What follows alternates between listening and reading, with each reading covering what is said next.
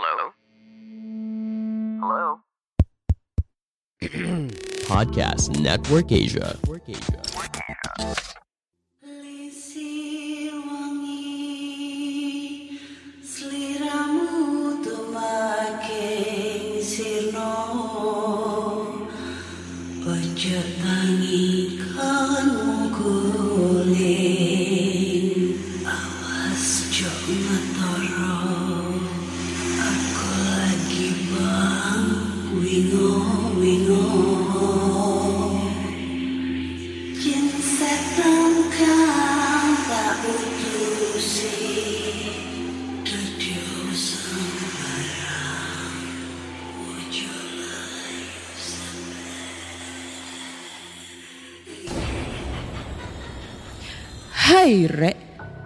kabar Ketemu lagi dengan aku si Ana di podcast kisah horor. Kita bertemu di episode episode 190 dan di episode kali ini akan bacakan cerita horor ataupun email berhantu yang sudah dikirimkan teman-teman melalui podcast kisah horor at gmail.com atau DM Instagram podcast kisah horor serta Google Form yang lainnya tersedia di bio Instagram podcast kisah horor. Hmm. Aduh, gue mau cerita dari mana dulu ya? Oke, Eh, kemarin seharusnya hari Selasa kemarin PKH harusnya up episode terbaru, tapi karena ada suatu kendala ya, eh, ada problem, jadinya nggak nggak bisa eh, upload episode terbaru, jadi digantinya hari Kamis. Apa namanya? Kemarin juga gue juga sempet eh, apa ya? Bukan sempet gue baru kopdar sama Mr. Popo. Nah kebetulan Mr. Popo itu lagi ada acara di Surabaya. Jadi ya kita manfaatin kesempatan kita untuk kopdar bareng-bareng sama podcaster Surabaya. Cie. Belum sempet collab sih. Tapi next time mungkin gue bakal nggak tahu jadi apa nggak sih Mister bakal diundang Raditya Dika di Jakarta buat cerita di Paranormal Experience Wanjay. Terus karena ini banyak banget nih ya sebenarnya sebenarnya sih banyak banget tuh yang nge-DM atau ngemail bahwa eh, teman teman-teman dari pendengar podcast kisah horor, teman horor nih ya, teman horor itu nggak cukup kalau mendengarkan podcast kisah horor itu seminggu dua kali gitu.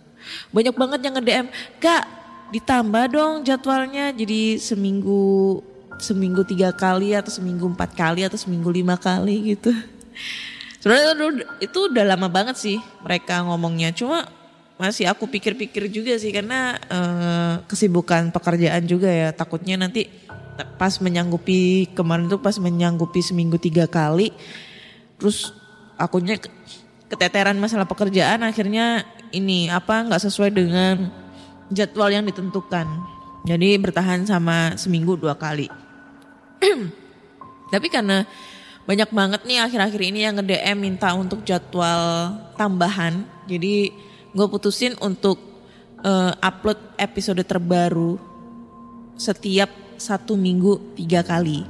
Harinya Selasa, Kamis, dan Sabtu. Nah itu ya buat cerita horor. Sebenarnya sih kalau Sabtu itu kan eh, bukan cerita horor ya, melainkan cerita monolog hati atau mungkin lagi yang komedi-komedi. Tapi kalau misalnya kalian lagi weekend perjalanan naik mobil, kalau sambil dengerin horor gitu, kayaknya seru juga sih ya di malam minggu. So buat teman-teman nih ya, berita baru nih, berita bahagia ya. bahagia nggak sih? Bahwa podcast kisah horor sekarang udah tayang tiga kali dalam seminggu, yaitu hari Selasa, Kamis, dan Sabtu. Jadi nantiin aja cerita-cerita yang seru banget eh, di setiap sessionnya. Nah, berhubung kitanya itu tampil seminggu, seminggu tiga kali, otomatis durasi untuk bercerita itu agak dikurangi ya. Yang tadinya dalam satu episode itu ada tiga cerita, sekarang dalam eh, satu episode itu cuma ada dua cerita. Kurang lebihnya dua cerita ya. Jadi jangan berkecil hati teman-teman yang nantinya bakal banyak banget pasti yang ngirim cerita karena masih banyak banget eh, cerita-cerita dari teman-teman yang belum dibacain. Dan jangan lupa nih, tambah terus nih asupan horornya, cerita-cerita horornya ke podcast kisah horor. Oke? Jadi sebelum kita mulai untuk eh, ngebacain cerita horor, marilah kita membaca komentar-komentar yang sudah nimbrung di podcast kisah horor. Dan cerita pertama, eh cerita pertama dan komentar pertama ini datang dari wait.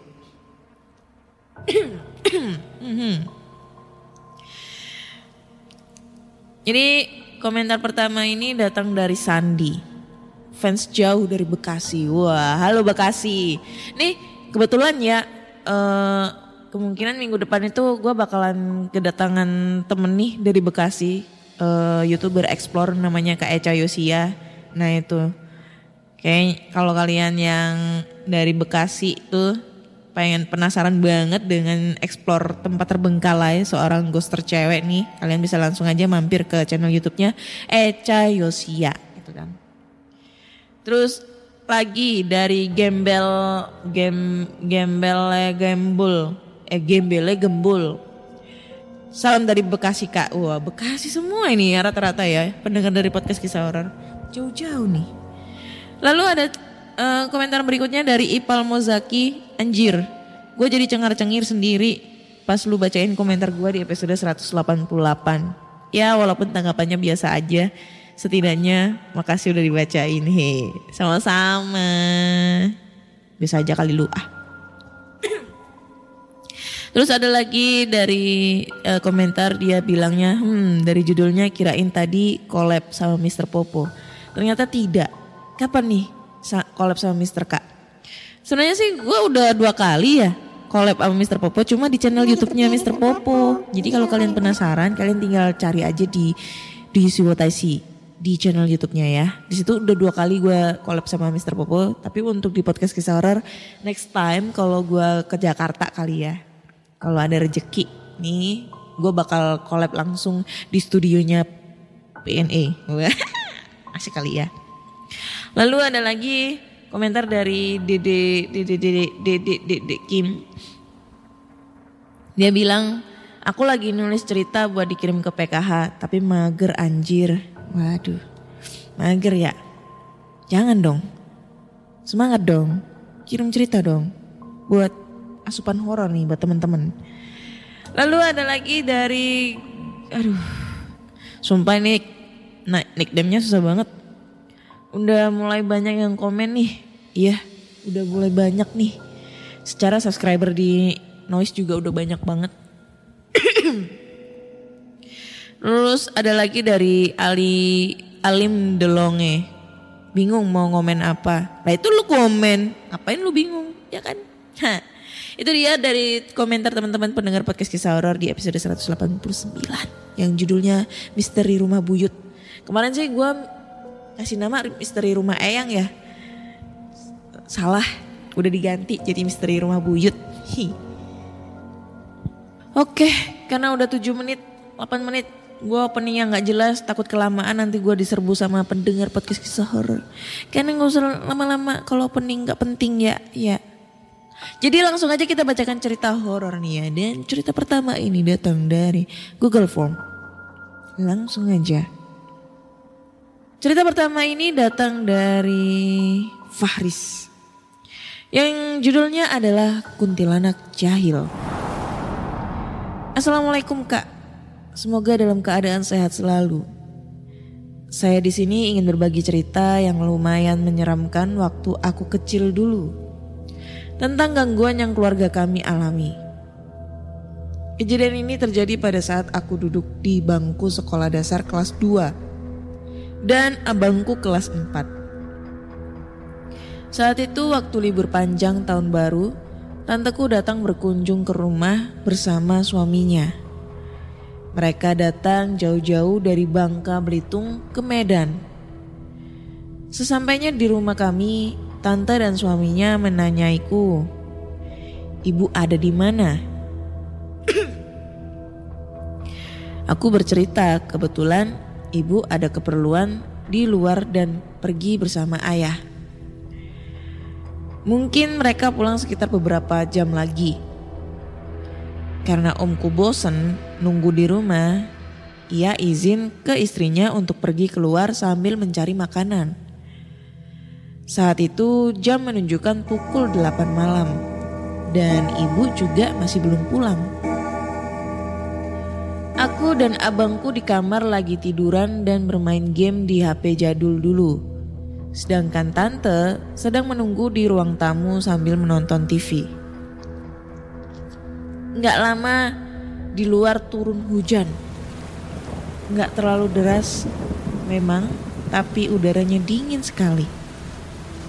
Tante yang di ruang tamu tiba-tiba mendengar suara ketukan dari pintu depan. Dia mengira kalau itu suaminya yang baru pulang. Saat dia membuka pintu ternyata itu ibuku. Tante melihat muka ibuku pucat dan matanya lesu. Saat diajak ngobrol, ibu hanya diam membisu dan berjalan ke arah dapur tanpa sedikit pun berbicara ke tante. Tanteku yang kebingungan hanya bisa duduk di sofa sambil melihat ke arah ibu yang sudah berjalan pergi ke dapur. Yang sangat aneh, pakaian yang ibu pakai tidak basah sama sekali. Padahal di luar lagi sedang turun hujan. Tante juga tidak melihat sendal ibu ada di depan pintu. Ibu datang tanpa memakai alas kaki apa pun. Tante mencoba mengetuk pintu kamarku, tapi saat itu aku tidak mendengar suara sama sekali, seperti tidak terjadi apa-apa.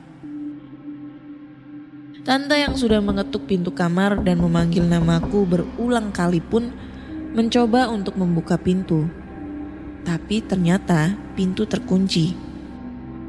Padahal pintu kamarku rusak, sehingga tidak bisa dikunci lagi. Tante yang gak tahu harus ngapain lagi mencoba menelpon suaminya yang lagi di luar. Baru saja ia mengambil HP dari tas, tiba-tiba terdengar suara piring jatuh dari arah dapur. Tante yang terkejut mendengar suara itu dan memanggil nama ibuku. Karena mendengar adanya balasan dari ibuku, tante pun berjalan ke arah dapur ingin mengecek suara pecahan tadi. Saat membuka tirai dan melihat sekeliling, ternyata tidak apa-apa eh tidak ada apa-apa di sana. Tidak ada ibu juga. Tidak ada serpihan kaca apa pun. Nggak lama kemudian dia mendengar suara cekikikan kuntilanak dari arah luar rumah. Tante yang ketakutan berteriak dan beristighfar berkali-kali. Aku dan abangku mendengar suara teriakan tante dan langsung keluar kamar. Kami berlari ke arah dapur dan melihat tante yang sedang ketakutan dan terduduk di lantai. Dia menceritakan apa yang baru saja terjadi. Aku dan abangku terkejut mendengar cerita barusan dan ikut merinding dibuatnya. Beberapa hari setelah kejadian ini, di malam hari yang turun hujan juga, tiba-tiba abangku seperti kerasukan. Ia ketawa, bergumam, dan yang lebih menyeramkan lagi, tatapannya yang tajam melihat ke arahku. Pak Ustadz dipanggil untuk mengusir sosok yang merasuki tubuh abangku. Setelah selesai dirukia, Pak Ustadz bercerita kalau yang masuk ke tubuh abangku itu ternyata penunggu dari pohon mangga di depan rumah. Pak Ustadz mengatakan kalau kuntilanak tersebut memang suka mengganggu orang-orang. Gak lama pun pohon tersebut ditebang. Dan beberapa tahun kemudian kami pindah dari sana. Sekian kak cerita dariku. Semoga teman-teman pendengar podcast suka dengan kisah yang yang baru aku bagikan. Maaf kalau ada tipe atau salah pengetikan. Terima kasih. Hmm. Ntar nih, gue udah mulai julid nih untuk komentarin. Cuma kemarin gue dapat email sih. eh bukan dapat komentar dari salah satu pendengar. Mungkin dia ngedengerin cerita aku yang di episode-episode yang lalu yang gue ngehujat. Bukan ngehujat ya. Ngome mengomentarin kalau ceritanya itu halu gitu. Tapi karena yang kirim cerita biasa-biasa aja, guanya juga ya udah biasa-biasa aja. gitu ya. Ini gue mau komentar nih tentang sosok hantu yang merasuki tubuh abangnya. Dari awal cerita, nih awal cerita, si tantenya ini ditakutin sama yang namanya kuntilanak, kuntilinik ya. Gua nggak mau nyebut kuntilanak karena takut nanti pada seliweran datang ke rumah. Karena udah malam juga.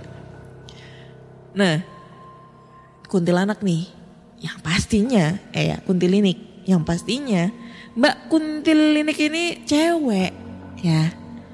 Terus si si pencerita ini punya abang, abangnya kerasukan, penunggu pohon mangga di depan. Yang jelas-jelas kata Pak Ustadz, penunggu pohon di depan itu adalah kuntilinik. Dan yang merasuki tubuh abangnya adalah penunggu pohon mangga depan. Yang yang jelas itu adalah penunggunya adalah kuntilinik.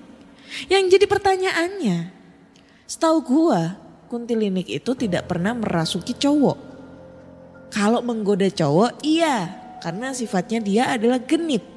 Kalau ngerasukin cewek jelas, karena sesama cewek. Gue baru baru baru tahu nih ya kalau si kun- kuntilinik ini bisa masuk ke badan cowok gitu. Gimana tuh nanti kalau kerus- kerasukan gitu?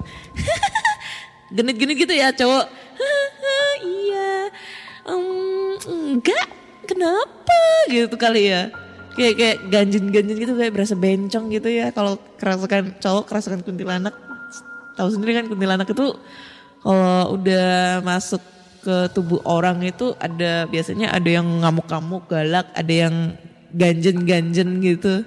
Gue kalau diceritakan si kakaknya kan teriak-teriak tuh marah-marah. Tapi kalau semisalnya dia masuk ke tubuh kakaknya, abangnya nih ya, dengan yang ketawa-ketawa genit, terus habis itu kayak nangis-nangis gitu, kayak nggak bisa ngebayangin cuy, ya kan?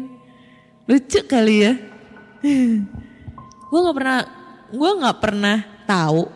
Tapi kalau semisalnya gue pernah lihat nih, ya itu dalam waktu pada saat aku bikin channel YouTube bareng, bareng collab sama teman aku dulu ya, ada sih katanya yang yang jelas dia adalah uh, notabene-nya katanya sih dia punya kelebihan, terus memanggil arwah dan tiba-tiba masuk ke dalam tubuhnya, yang jelas-jelas itu adalah kuntilanak. Kayak berasa kayak dia kayak waktu itu dia adegannya kayak nyisir-nyisir rambutnya. Padahal nggak ada gak ada rambutnya. Cowok itu. Yang yang jadi mediumisasi itu cowok. Terus habis itu ketawa-ketawa lenje banget kayak gitu-gitu. Kayak aneh gitu loh ya kalau cewek mah ya ya wajar gitu. Ini mah cowok. Pernah nggak kalian ngeliat teman kalian atau mungkin tetangga kalian ada atau mungkin ada orang gitu yang kesurupan cowok nih ya kesurupan kuntilanak? Nah kalian bisa langsung aja kirim ceritanya ke podcast kisah horor kali ya. Pasti bakal lucu tuh. Next lanjut ke cerita berikutnya jadi ini cerita dari salah satu pendengar podcast kisah horor yang tidak mau disebutkan namanya dia menceritakan tentang pengalamannya waktu diceritain uh, asi kecil gitu ya. Yang jadi ceritanya itu tentang patung dan penghuninya yang sempat mengganggu sebuah keluarga. Jadi gini kak ceritanya. Dulu saya punya tetangga seorang pengrajin sebut saja namanya Pak Jo. Pak Jo sering sekali uh, membuat tongkat atau kerajinan lainnya. Suatu hari, Pak Jo sedang membangun rumah. Setelah selesai membangun, ternyata masih ada sisa semen dan batu. Pak Jo pun mengolahnya menjadi patung kecil berbentuk buto. Wah, serem tuh. Patung itu ditempatkan di depan rumahnya dan sebagian menempel pada rumah tetangga. Suatu hari anak Pak Jo main ke rumah tetangga itu. Saat itu rumah itu dihuni seorang janda dan seorang anak gadisnya. Si anak tante itu tanya, siapa yang nangis malam-malam? anak Pak Jo yang sebut saja namanya Ani ya kak, mengaku gak ada yang nangis. Lalu malam kedua, setelah patung itu ditempatkan, terjadi pemadaman listrik di daerah situ. Rumah si tante ini gelap gulita. Karena nggak punya lilin, terpaksa mereka keluar dan nongkrong di teras rumah. Saat sedang mengobrol, si tante tiba-tiba nyeletuk. Kamu dengar suara orang nangis nggak? Ujar tante, lalu si anak celingukan. Iya mah, asalnya dari sebelah, jawab anaknya. Ayo kita tengok. Si tante beranjak dari kursi dan menengok ke sebelah. Kebetulan saat itu ibunya si Ani sedang keluar untuk membuang membuang sampah. Bu, ada yang nangis kah? Tanya si tante. Hah? Gak ada Dut. Eh, gak ada tuh Tan. Mungkin suara kucing. Balas ibunya Ani. Lalu pamit masuk. Saat si tante mau balik ke terasnya, tampak anaknya duduk di pinggir sungai. Ayo masuk ke rumah. Jangan dulu mah, ada sesuatu di dalam. Jawabnya. si tante segera masuk, pelan-pelan diikuti anaknya. Setelah dicek, nggak ada siapa pun. Akhirnya mereka memutuskan untuk tidur. Terus malam ketiga, anak si tante sedang menginap di rumah ayahnya. Sehingga tante tinggal sendirian di rumah itu. Saat menjelang tidur, si tante biasanya mematikan lampu ruang tamu dan menyisakan lampu kamar dan dapur. Saat hendak tidur, tante samar-samar mendengar suara tangisan. Asal suara itu dari ruang tamu. Tante pun mengintip lewat pintu yang terbuka sedikit. Di ruang tamu duduk seorang anak perempuan sambil menutup wajahnya. Dilihat dari postur tubuh mirip dengan anak tante itu. Si tante segera bergegas takutnya ada hal buruk terjadi. Saat tante mendekat, anak itu tiba-tiba berdiri tegak. Nak, kamu kenapa? Tanya si tante. Bukannya menjawab, malah tiba-tiba tubuh anak itu melayang. Namun masih dalam posisi tegap dengan kepala tertunduk. Anjir kaget gua, HP gua getar. Oke lanjut ya. Nyampe mana tadi anjir? Oh nih. Lalu dengan cepat melayang menembus tembok. Esoknya rumah itu rame karena kakaknya si Ani kerasukan. Setelah diusut, ternyata setan itu sudah berkali-kali diusir. Namun dia berse bersembunyi di patung buto ijo. Eh buto itu. Jika keluarga itu lengah, maka si setan itu bakal balik. Bahkan menurut kesaksian si tante, beliau kerap kali melihat si setan berdiri di pinggir jalan tepat di atas patung. Setan itu berusaha masuk ke rumah, namun tampaknya ada yang menghalangi.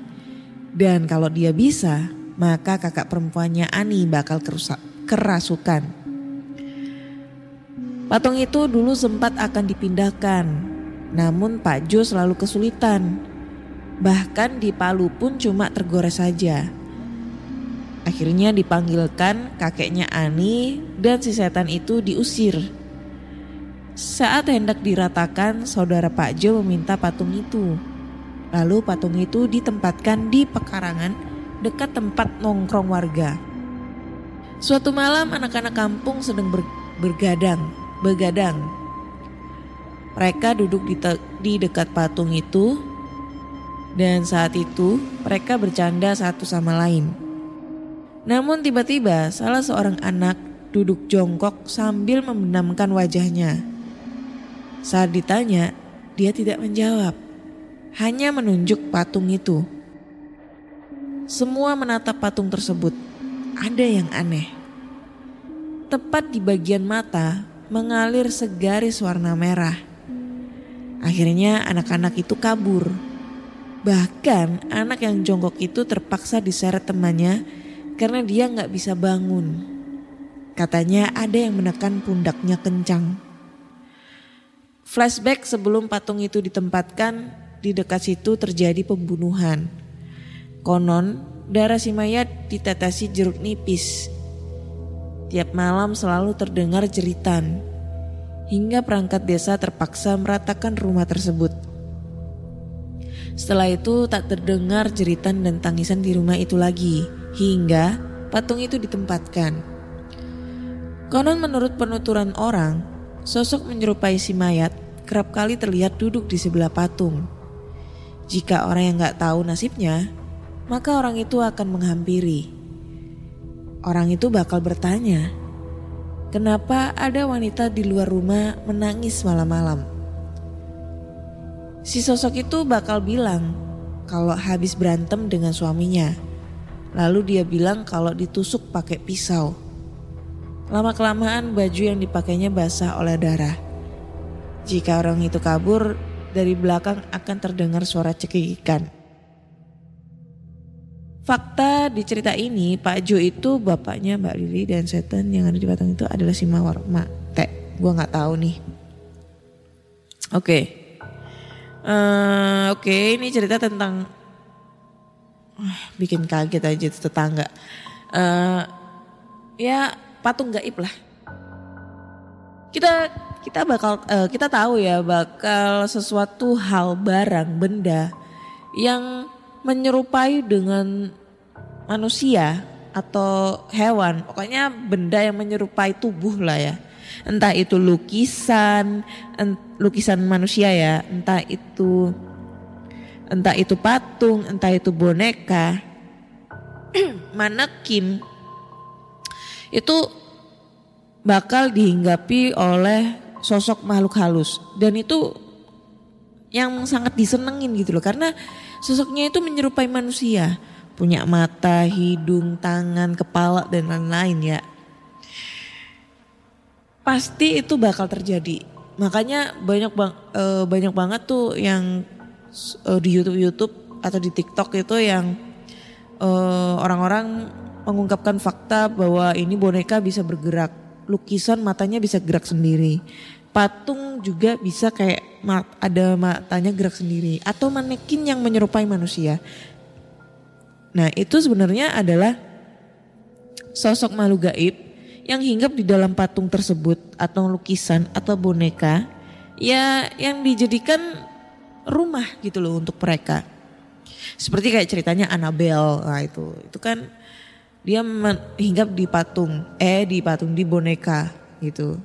Terus Dulu juga ada kejadian yang sempat dijadiin film. Kalau kalian pernah tahu filmnya namanya uh, Rumah Angker Pondok Indah. Pondok Indah Angker.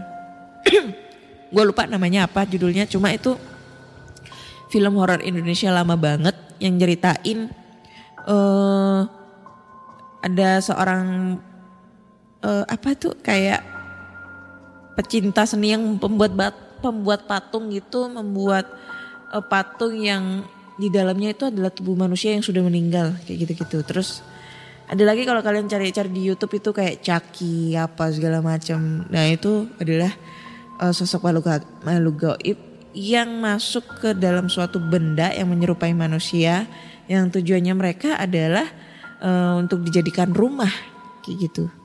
Makanya gue suka was-was tuh.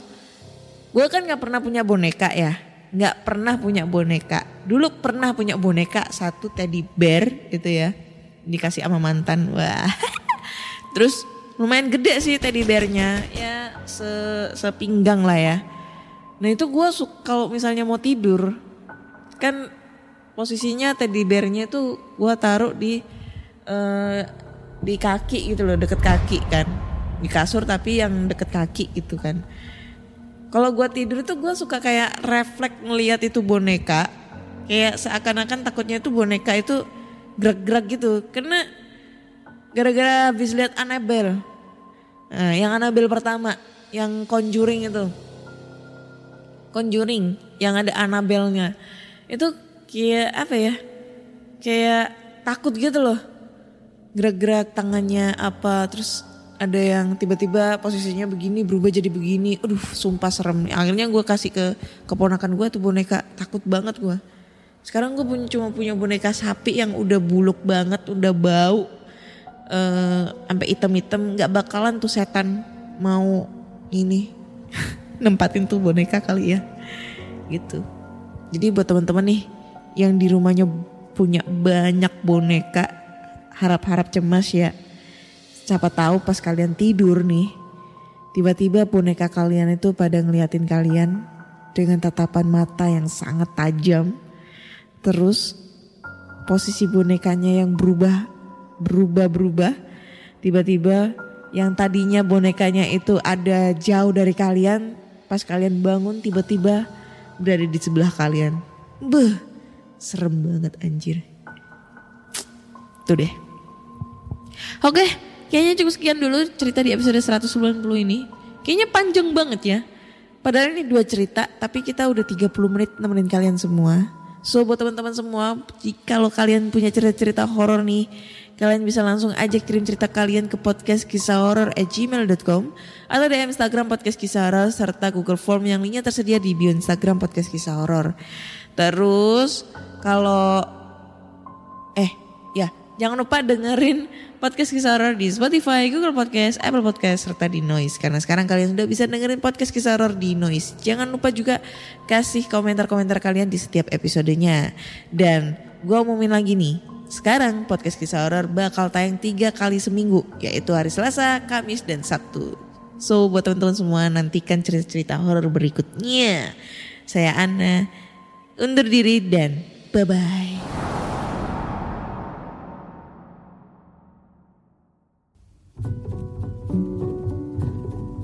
Pandangan dan opini yang disampaikan oleh kreator podcast, host, dan tamu tidak mencerminkan kebijakan resmi dan bagian dari podcast Network Asia. Setiap konten yang disampaikan mereka di dalam podcast adalah opini mereka sendiri dan tidak bermaksud untuk merugikan agama, grup etnik, perkumpulan, organisasi, perusahaan, perorangan, atau siapa pun dan apa pun.